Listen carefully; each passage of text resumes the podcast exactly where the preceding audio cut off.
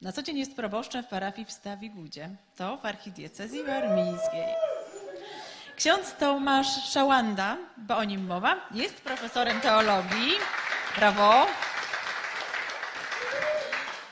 Wykładał homiletykę w Wyższym Seminarium Duchownym w Elblągu, pisze książki i artykuły z zakresu demonologii, mariologii i homiletyki. Od lat zajmuje się ruchem charyzmatycznym, z którym jest blisko związany. Walka duchowa oczami prezbitera to temat nauczania księdza Tomasza Szałandy. Zapraszamy.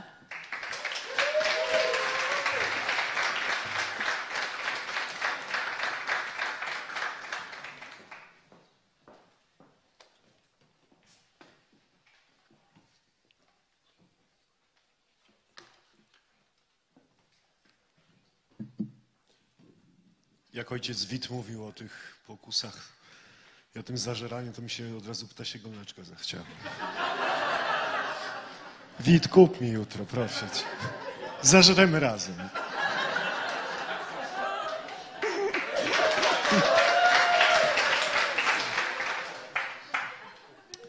A pilot do tej przerzutki można? Zażera.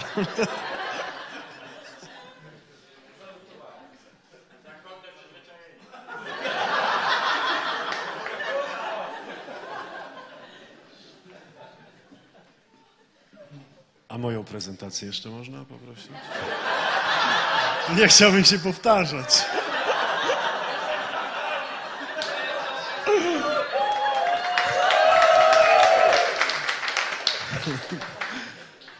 Zaczął od diable i, i diabli na widłach ponieśli.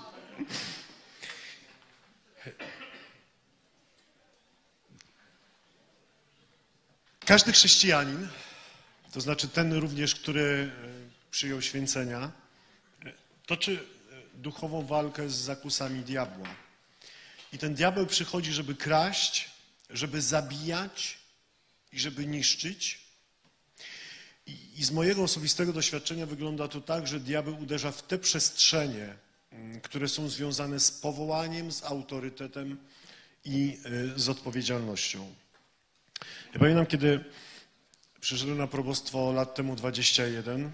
To chyba po tygodniu czasu przyszła do mnie taka warmiaczka. I mówi, proszę księdza, na każdym domu siedzi jeden diabeł, a na plebanii na każdej dachówce. Niech ksiądz pamięta. Słuchajcie, popatrzyłem na tą kochaną osobę, z lekką dozą nieśmiałości? Sprawdziłem od razu. Siedziały dwa buciany.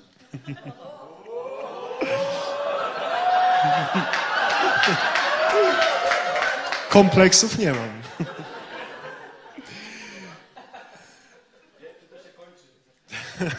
Lepiej nie wnikać.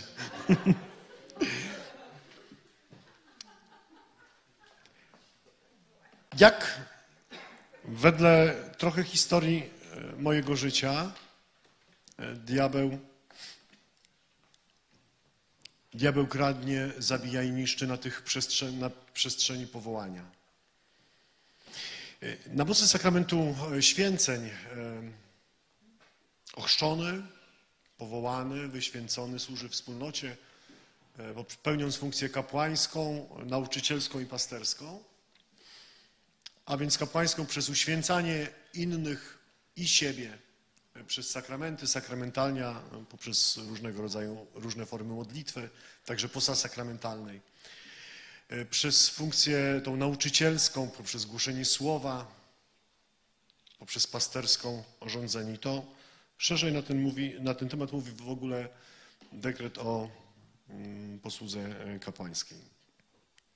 Diabeł kradnie, zabija i niszczy przede wszystkim świadomość, świadomość we mnie o wsparciu Boga i o Jego realnej obecności, e, realnej obecności przy mnie.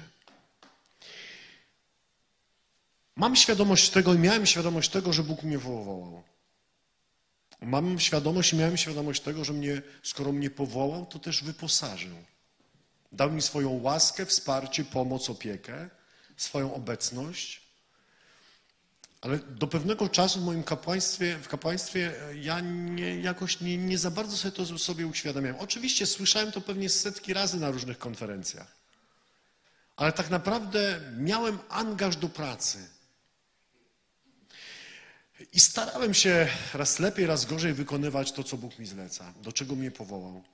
Ale w pewnym momencie e, mojego życia to, to moje życie kapłańskie, duchowe zaczęło pikować ostro w dół. E, Kiedy mm, Gedeon był powoływany, kiedy Maryja była powoływana, kiedy Mojżesz był powoływany, kiedy Zachariasz był powoływany, oni wszyscy stawiali Bogu podstawowe pytanie: jak ty to zrobisz? Jak to się stanie? Jak ty Boże sobie z tym poradzisz? Ja takich pytań nie stawiałem. Nie wiem, ile osób ochrzciłem. Doskonale pamiętam słowa świętego Augustyna, że gdy ktoś chrzci, to Chrystus chrzci. I doskonale wiedziałem o to, że kiedy ja chrzczę, to nie chodzi o mnie, że ja, wypowiadając ja Ciebie chrzczę, to ja, ale że to Chrystus. A ile razy o tym pamiętałem? Nie wiem. Tak samo w sakramencie pokuty i pojednania, tak samo udzielając sakramentu chorych. No właśnie tak diabeł działa, że, że zabija tę świadomość o wsparciu Boga, że ten Bóg przy mnie jest, że ze mną jest, że, że to jest Jego naprawdę realna obecność. Diabeł też e, kradnie, e, zabija i niszczy tą świadomość uświęcającego działania sprawowanych przeze mnie sakramentów. To znaczy, że nie tylko one uświęcają innych, ale mnie, tego, który sprawuje. Przecież ja nie wiem ile lat, no wiem ile lat, od 94 roku jestem księdzem. I wypowiadam słowa zaprawdę, święty jesteś Boże, źródło wszelkiej świętości. Na każdej mszy. W takiej czy innej formule. Czy, czy ja miałem świadomość tego, że, że to mnie uświęci? Nie wiem. Myślę, że w wielu przypadkach nie.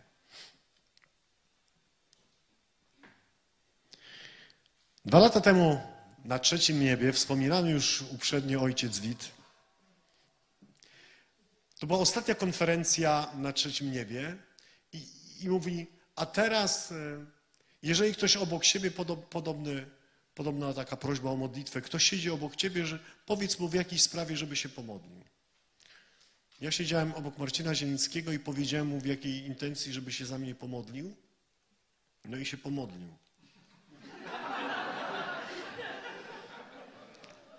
się pomodlił tak, że hej.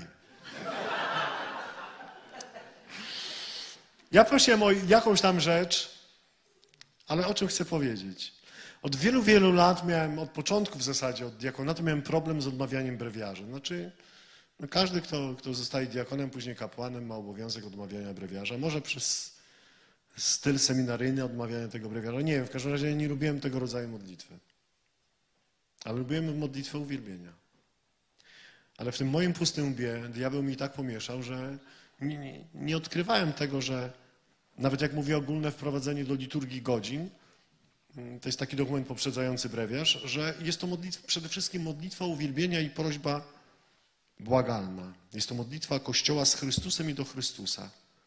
Oraz, że ona uświęca człowieka, przynosi obfite owoce uświęcenia i tak dalej. I tak dalej.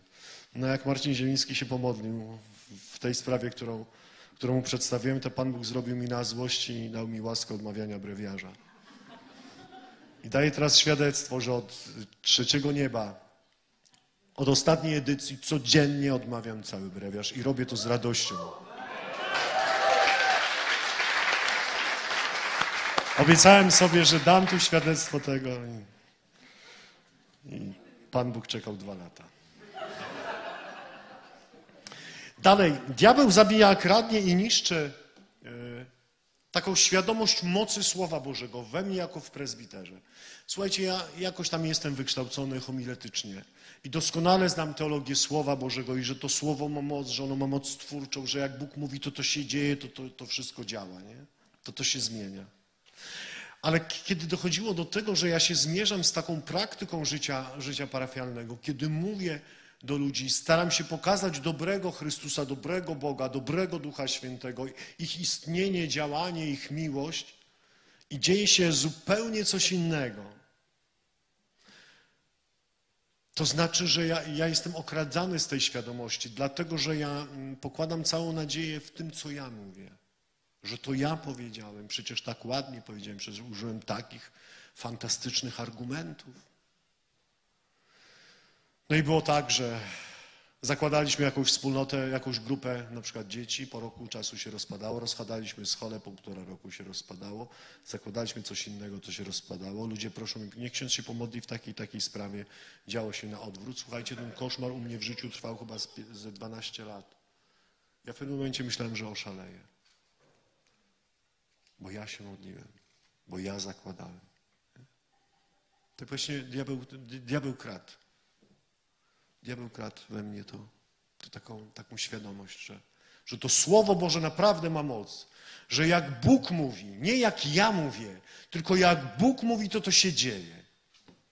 I można, mówię o sobie, można być nieźle wykształconym, gdy chodzi o Słowo Boże. I co z tego? I można wiedzieć, ale czy wierzyć? Diabeł też kradnie, zabija i niszczy taką świadomość pasterza. Pasterz, można w różny sposób to definiować, określać, ale pasterz to przewodzący, troszczący się i troszczący się powie- za powierzone stado, który jest charyzmatycznym przewodnikiem i jest opiekunem odpowiedzialnym za jego byt, za jakość życia, odpowiedzialny za rozwój, a jeżeli dodamy do tego jeszcze e, historię Nowego Testamentu, to ten, który poszukuje zranione, który leczy poranione, który uspokaja przerażoną i gotów jest za nie oddać swoje życie. I diabeł bardzo skutecznie, y, bardzo skutecznie potrafi naprawdę zabrać, zasłonić, ukraść tą świadomość, że ja jestem pasterzem, że ja jestem pasterzem z tym charyzmatycznym y, przewodzeniem. I, I wierzę i wiem, i wiem to po sobie, bo mówię teraz o sobie, że nawet najbardziej zaangażowany w parafię pasterz, który żyje w cieniu charyzmatów, nieświadomy na co dzień namaszczenia Bożego, wcześniej czy później roztrzaska się o skały. Roztrzaska się naprawdę w drobny mak. I przestrzeń druga, którą, au- którą wchodzi diabeł, to jest w autorytet i w odpowiedzialność. On kradnie, zabija i niszczy taką świadomość, że mam autorytet. To znaczy, że mam upoważnienie, że mam pełnomocnictwo, że mam władzę przekazaną przez Niego do tego, żeby iść, głosić, uzdrawiać, wskrzeszać, leczyć, opatrywać chorych. Czy my myślicie, że ktoś nam mówił o tym w seminarium? No nie, no sorry, ale nie. Ja się o autorytecie dowiedziałem parę lat temu. Naprawdę. No, tak, tak działała te- teologia seminaryjna. No. I chyba w ogóle teologia polska. Że ten motyw autorytetu kapłana, księdza, osoby e, ze święceniami, także ochrzczonej ze święceniami, że też ma autorytet. W 90 którymś roku dopiero świętej pamięci ksiądz profesor Kudasiewicz na Kulu prowadził pierwszy monograf w Polsce na temat charyzmatów i Ducha Świętego. Niestety umarł i do autorytetu już jakoś się nie mógł odnieść. Ale w 90 chyba trzecim, czy czwartym, czy piątym dopiero pierwszym monograf na Kulu w Lublinie. Tak, tak to działało. I, I to moje pokolenie księży XX wieku, czy końca XX wieku wyświęconych w ogóle o tych rzeczach nie ma pojęcia. Ale skąd mam mieć pojęcie, jakim nikt nie mówił? Jak to skutecznie diabeł nam ukradł. Całemu temu pokoleniu. Skąd mieliśmy wiedzieć?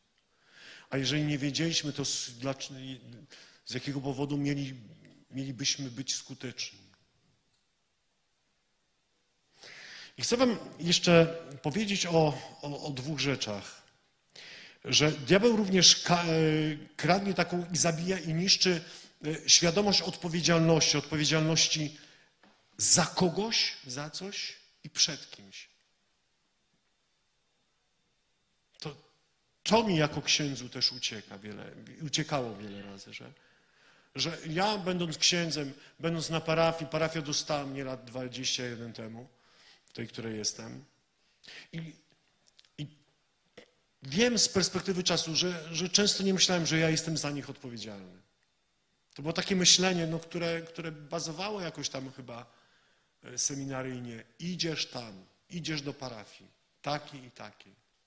Nie, to parafia cię dostaje. Nie ty dostajesz parafia, a parafia cię dostaje. Ja jestem, mam być za nich odpowiedzialny. Ale odpowiedzialny również przed kimś, to znaczy przed Bogiem. Za ich wzrastanie świętości, za ich budowanie w wierze, za, za szukaniem ich, za walkę o nich. Diabeł to bardzo fajnie potrafi zakryć, mówi, dobrze jest jak jest. Jest 30% u ciebie w parafii, w kościele. Chłopie, ciesz się. 30%, u mnie 12%. Można się licytować, nie? Kto da więcej? 32%. No, ty to już w ogóle masz. Tylko, że jak 30% jest w kościele, to 70% nie jest, tak? I, I ta perspektywa jest straszna. I proszę Boga, żeby mi zawsze bolało serce, że nie ma tych 70. I jeszcze chcę powiedzieć o, o, ty, o takich, wydaje mi się, o dwóch jeszcze innych terytoriach duchowej walki prezbitera. To, jest, to są dwie takie płaszczyzny ja i Bóg.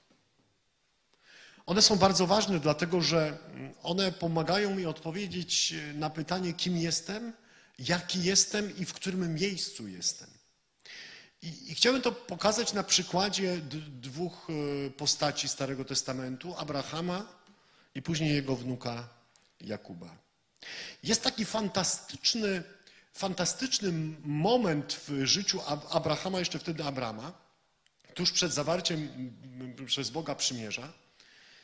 I tam jest napisane w słowie, że gdy słońce chyliło się ku zachodowi, Abram zapadł w głęboki sen i opanowało go uczucie lęku, jak gdyby ogarnęła go wielka ciemność.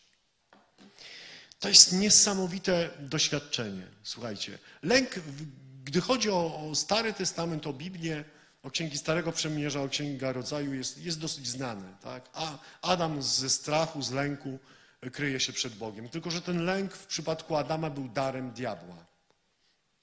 Natomiast Abraham ma poczucie nicości wobec Stwórcy. Ma tą taką typową bojaźń.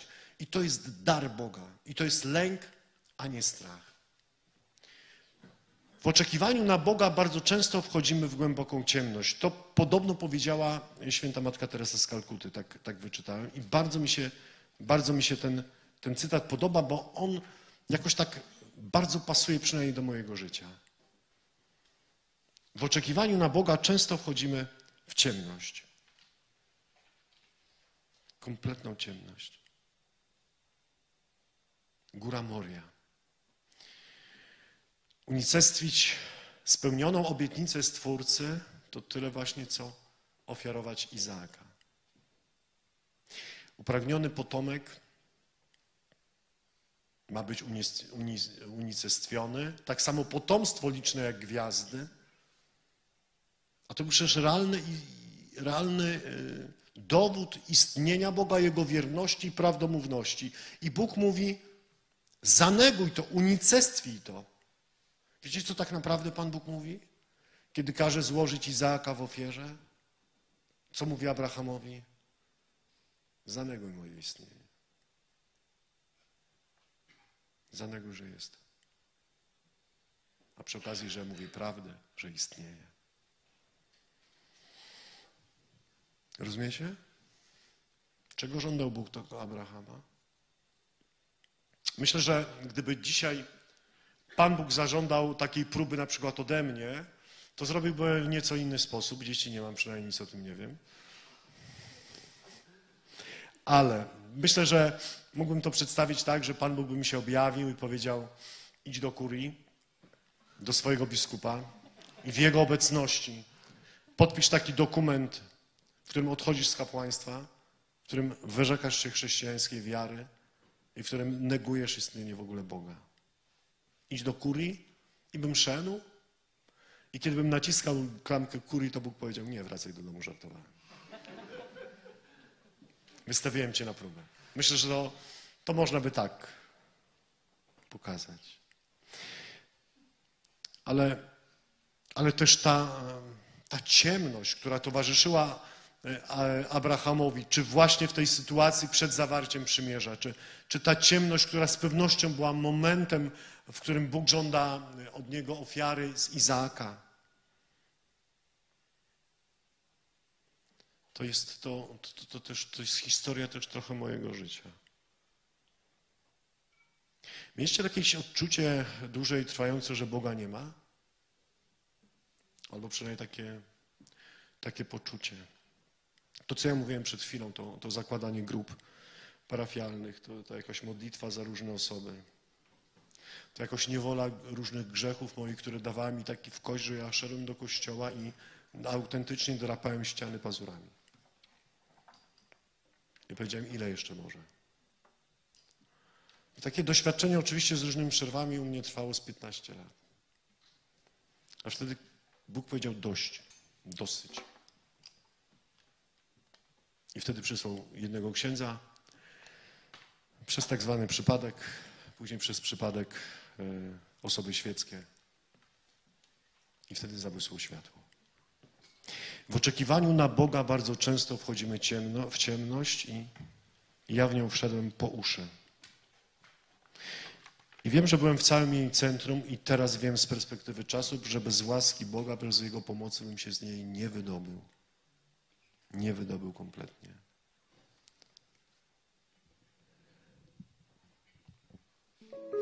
Na te nogi przyjdzie zaraz czas. Chcę wam jeszcze po, po, pokrótce powiedzieć jeszcze historię Jakuba. Jakub, wnuk Abrahama, który oszukiwał brata, oszukiwał różnych ludzi. W końcu wraca do ziemi egipskiej, z ziemi, wraca do swojego rodzinnego domu, ale ma się spotkać z bratem Ezawem, którego okradł z pierworództwa. Podstępem je ukradł.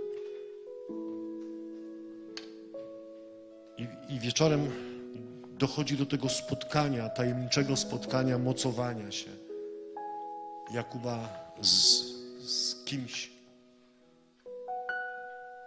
Ale czy można się z, Bo z Bogiem, e, czy można z Bogiem walczyć wierząc?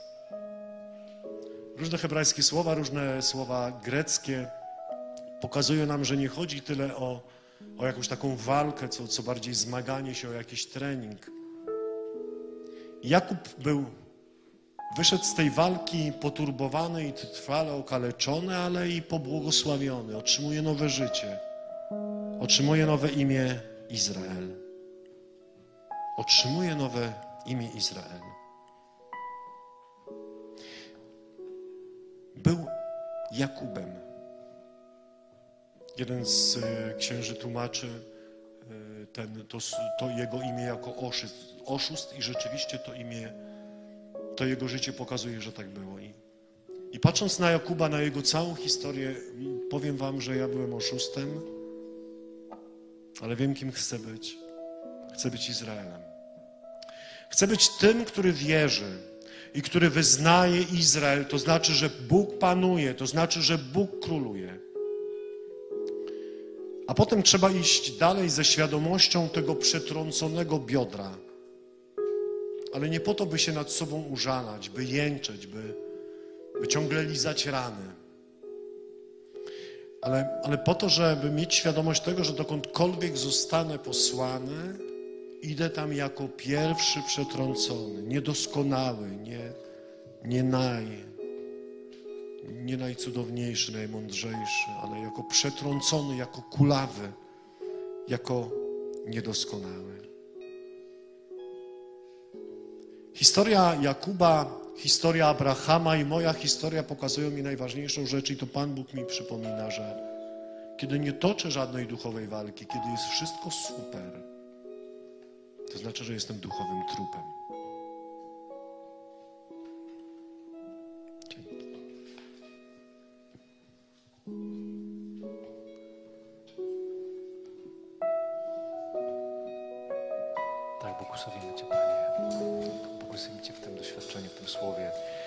Błogosławię Cię w księdze Tomaszu, błogosławię Cię w Jego posłudze też, błogosławię Cię w Jego otwartym sercu. Błogosławię Cię w tym słowie, które zasiał dzisiaj pośród nas teraz. Panie, daj nam tą łaskę przyjąć e, słowo, przyjąć Jego, Jego moc. Daj nam tą łaskę przyjąć obecność Słowa pośród nas teraz. Błogosławię Cię w tym, Panie, że e, posługujesz się tutaj i Tomaszem, i nami wszystkimi, że objawiasz nam siebie teraz w tym miejscu, że dajesz nam smakować dotyk Twojej bliskości, dotyk Twojej obecności, Panie. Błogosławię Cię, jesteś piękny, święty, Panie, doskonały. Ty zwyciężasz, Ty w nas zwyciężasz, Panie. To jest prawda Twojej obecności, to jest prawda o Twojej bliskości. To jest prawda Twojego serca, Panie, dla nas. Nie ma Boga ponad Ciebie, nie ma nikogo wspanialszego, nikogo bardziej doskonałego, pięknego. Panie, to jest niepojętna łaska, niepojęta moc, bliskość skelbš Adonai karijos per ne. Kyrie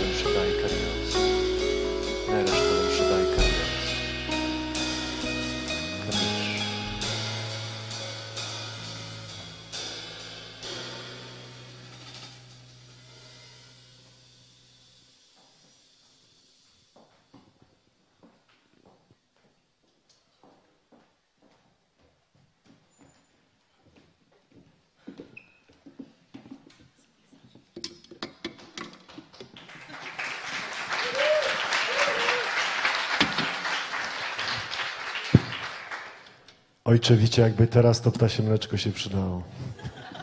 Też bym skosztowała. To zaczynamy dalej. Y, Widzimy to i zauważamy, że szatan ze szczególną taką, nazwałabym to pasją, uderza w osoby zakonne, w kapłanów, ludzi kościoła. I dlaczego tak jest? Dlatego, że oni są na świeczniku, y, bo to oni powinni prowadzić owieczki, a jak się uderzy w pasterza, to wiadomo, owce gdzieś tam się rozejdą, rozproszą. To tak jest? Tak, tak. To właśnie dlatego, że jak diabeł uderzy e, w owce, e, w pasterza, to się rozchodzą owce. To st- stado zaczyna iść jakoś tak e, w bardzo złą, złą stronę.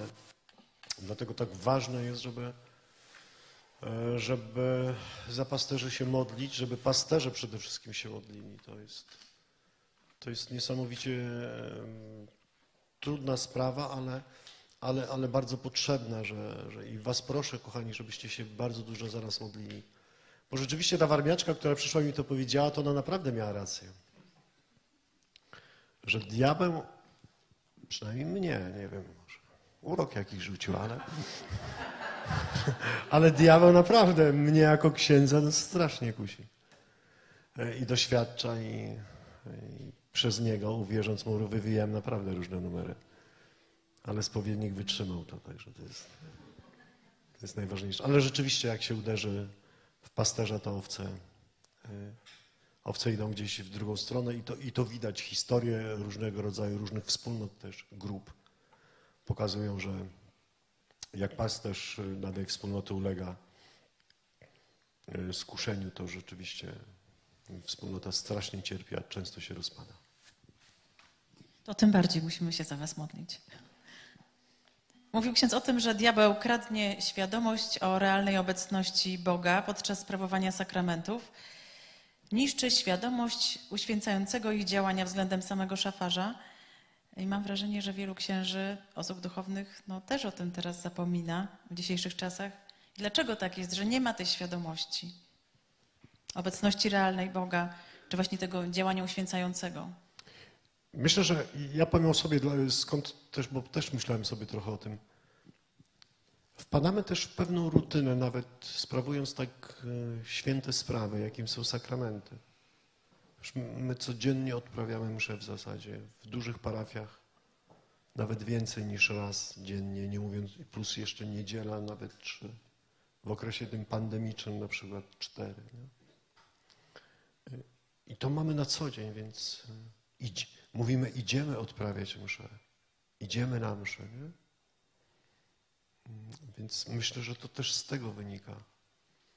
Mm, Ja mówię o sobie, że, że, że tak, tak, tak pewnie u mnie u mnie też było. Mm. Y, Codziennie idę spowiadać. Y, Bardzo często udzielam sakramentu chorych. Myślę, że z tego, z takiego, że to jest zawsze, że to jest ciągle, że to jest codziennie. To nie jest oczywiście usprawiedliwienie, ale, ale myślę, że tak to u mnie działało. W tym nie było też złej woli oczywiście, nie? tylko brak takiego, takiej refleksji, takiego pogłębienia, takiego przemyślenia. No. Co się dzieje, co ja robię, nie? Oczywiście będzie, zawsze są jakieś rozproszenia na modlitwie, na mszy, ale, ale, ale tej świadomości, może, może nie jest tak, że jej wcale nie ma, ale jest przynajmniej u mnie, jest ciągle, ciągle za mało. Bycie homiletą to jest trudne zadanie, tak podejrzewam. Ksiądz powiedział, albo bardziej gdzieś tak wybrzmiało takie zdanie, że wiedza o mocy Słowa Bożego jest potężnym wrogiem diabła. I to dlatego szatan kradnie nam czas na czytanie Biblii. I tutaj pewnie teraz każdy z nas sobie robi rachunek sumienia. No, coś w tym jest, prawda? No mi kradło. Mimo, że byłem, no jestem tam jakoś tam nieźle wykształcony homiletycznie, to, to diabeł rzeczywiście mi kradł czas, bo, bo jak działa diabeł w tej chwili? Kradnie nam czas. Myślę, że on tak działa, że, że zabiera nam czas, podsyła inne rzeczy, tylko nie, nie te, które, które doprowadzą nas do spotkania z Bogiem. I wtedy podrzuci, kurczę, jaki fajny film teraz jest w telewizji, to może sobie obejrzę albo tam 20 odcinek serialu jakiegoś. Ja lubię kryminały na przykład. Jak jest seria 20 odcinków, to bardzo lubię. E, Jak mi diabeł kradł czas, na przykład, y, kiedy jeszcze trochę zajmowałem się naukowo, też homiletyką, pisania y, książek, artykułów po 12-14 godzin dziennie. Kiedy miałem czas mieć na modlitwę? U mnie już doszło w pewnym momencie do tego i to był taki pierwszy dzwonek, kiedy w dzień powszedni coś musiałem jakiś skończyć artykuł gdzieś do jakiegoś tam czasopisma oddać. E, Siedziałem chyba tam z 14 czy 13 godzin, czyli przez cały dzień praktycznie od rana, od 6 chyba. I poszedłem, to był dzień powszedni i w dwóch różnych butach poszedłem na mszę. Jeden był but czarny, druga w kolorze kawa z mlekiem. Nie? Przecież wyglądałem jak cymbał skończony. Nie? Tylko się modliłem, żeby nikt nie przyszedł do zakrystii i nie poprosił o coś. Oczywiście trzy osoby przyszły. Ale żadna nie patrzyła na moje buty. Ale, ale tak mi diabeł kradł czas, nie? E, Okradał mnie, ja pozwalałem na to. Bo trzeba było napisać artykuł, bo trzeba było coś, jakąś książkę napisać. No to to mnie okradł zupełnie. Nie? No to pikowałem w dół na łeb. Także diabeł kradnie nam przede wszystkim czas. A jak kradnie nam czas, no to już nie ma tego, tego czasu na modlitwę, na spotkanie z Bogiem, na, na chwilę pogadania z Nim, posłuchania się. No jak nie jesteśmy przy źródle, no to po prostu zdychamy. Teraz o Boży autorytet chciałam zapytać. Nie czuje ksiądz takiego respektu, że to w Jego imię, że to w Jego autorytecie głosi, sprawuje sakramenty? Czy to na przykład księdza jakoś nie mm, zawstydza, nie onieśmiela? Tak, tak, jak najbardziej. Ale ja, ja kiedy mm, pokochałem ruch charyzmatyczny, wspólnoty charyzmatyczne, bo przez nie Pan Bóg mnie uratował, to zawsze przed homilią, na przykład też także przed tą konferencją, proszę Boga, Boże, przemów przeze mnie, jak przemówiłeś przez oślicę Balama. I mówię to z, pełną, z pełną szczerością e, i, i z taką świadomością, że skoro posłużył się oślicą, to na pewno takim cymbałem, jak ja też się może posłużyć i bez względu na to, czy, e, czy będę miał lepszy dzień, czy gorszy dzień, czy będę bardziej przeżywał, czy mniej przeżywał, czy będę się bardziej bał, większą tremę miał, czy mniej, mniejszą, ale, ale wiem, że kiedy staję w Jego autorytecie, to, to, to słowo ma moc, ale to jest od Niego. To nie jest moje.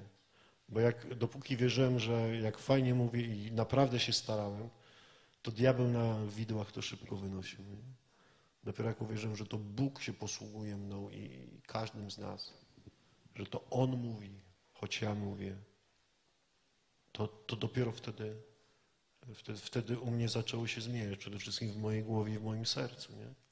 A za tym poszło, poszło poszło też, też no, na jakieś, jakieś nawrócenie, przemiana, która trwa, bo to nie jest tak, przynajmniej u mnie, że, że już jest ok. Jest dobrze, ale Pan Bóg mówi, że może być lepiej. No to jak powiedział, że, że będzie lepiej, to będzie. Odpowiedzialność to jest takie pole walki duchowej prezbitera, ale zdaje się, że nie tylko, że to jest pole do walki y, no, każdego z nas, dla walki każdego z nas, prawda? Tak jest, tak myślę. Tak, ale chyba y, na, na, na osobach duchownych, tak mi się wydaje, w sposób szczególny, bo, bo my idziemy do wspólnot, do parafii. Pan Bóg przez Kościół nas posyła. Po to, żeby, żeby właśnie pasterzować. To znaczy nie, żeby paść i tylko, tylko żeby pasterzować. To znaczy ta posługa musi być w charakterze służenia. I to jest najtrudniejsze, powiem wam. Najtrudniejsze jest e, księżom szczególnie służyć. Mm, Dlatego, że z jednej strony rzeczywiście mamy, mamy dużą wiedzę teologiczną, ale później jest spotkanie z człowiekiem. Jak tą teologię przerobić na ugięte kolana, to jest, y, to są lata. Tym bardziej, że kto pracuje z was, z ludźmi, wie, że to jest bardzo trudne. Bo, bo są różne charaktery, są różne e, temperamenty, różne historie. Pamiętam, kiedyś taka przyszła osoba, która miała straszny problem z alkoholem. Wiele lat, taka pani. I w pierwszą rocznicę swojego śmierci swojego konkubenta chciała dokonać ich schumacji, żeby Brunkowi koszulę wymienić na nową na rocznicę. Nie? Tak jest, ona się trzyma tak ściany, bo nie mogła stać w pionie w ogóle, ledwo tam wlazła po tych schodach bidaczka. Ja tak się zastanawiam, jak ja mam jej pomóc, nie? Jak jej powiedzieć o Panu Jezusie? Powiedziałem im, idź z Bogiem, kobiecino, wytrzeźwiej i będziemy coś myśleć później. No, no co można zrobić w takiej sytuacji, nie? Czy jak pijak do Ciebie mówi, szczęść Boże Tomku, nie? A za chwilę daj pięć złotych na górze. Jak mu mówić o Chrystusie, nie? Albo jak przyjdzie pijak i mówi, pożycz proboszcz 20 groszy. Ja mówię, nie pożyczę. Władkowi nie pożyczysz? Więc to są takie, takie sytuacje, e, akurat takie, no ale jesteśmy też za nie odpowiedzialni, tak? Tak samo jesteśmy odpowiedzialni za takie osoby, które przychodzą, gdy chodzi na przykład o katechezę i mają pretensje o coś, że, że, że dziecko musi umieć podstawowe modlitwy. Mieliśmy takie, takie właśnie przypadki, że osoby naprawdę bardzo dobrze wykształcone, z tytułami naukowymi, e, informują mnie czy, czy, czy, czy katechetów, że modlitwy Ojcze nasz zdrowaś Maryjo, chwała Ojcu i Aniele stróżu mój są za trudne według nich, a i one też niewiele z tego rozumieją. Jak im powiedzieć o Chrystusie, nie? Jak Ojcze nasz jest za trudne, to jest... No ale jesteśmy za nich odpowiedzialni. Ja to się często modlę. Olek dwa lata temu dał mi za zadanie mówić o cierpliwości. Ja się od tego czasu bardzo dużo modlę o cierpliwość. Czasami się już udaje. E, Ale, ale, ale potrzebuję dużo takiej cierpliwości. I myślę, że tą cierpliwością taką i czasami rzeczywiście no już ręce opadają, słów brak, ale, ale kiedy się udaje tą cierpliwość mi zachować, to, to ja widzę, że, że, że może w inny sposób, może wypijemy wspólnie kawę, pogadamy nawet o pogodzie, a nie o Panu Bogu na ten moment i to będzie ta sytuacja, która nas nie poróżni i będę odpowiedzialny w ten sposób, że jej nie zrażę, choćby do siebie.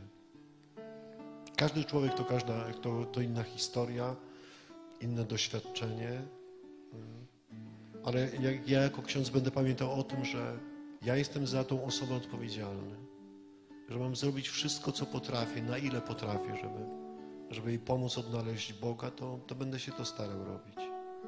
Czy będę się na tym wykładał? Pewnie nie raz jeszcze, bo zabraknie cierpliwości, życzliwości, zwykłej empatii, bo po prostu będę padnięty, bo będę miał zły dzień, bo mi strasznie diabeł nerwami skusi. Pewnie, że tak będzie, ale, ale może nie zawsze. Im więcej będę o tym pamiętał, tym takich wypadków na pewno, na pewno będę mniej, będzie mniej, jak będę się o to modlił, żeby, żeby w tych ludziach widzieć, że Chrystus przychodzi do mnie, to, to będzie łatwiej. To była walka duchowa oczami prezbitera. Dziękujemy ksiądz Tomasz Szałanda.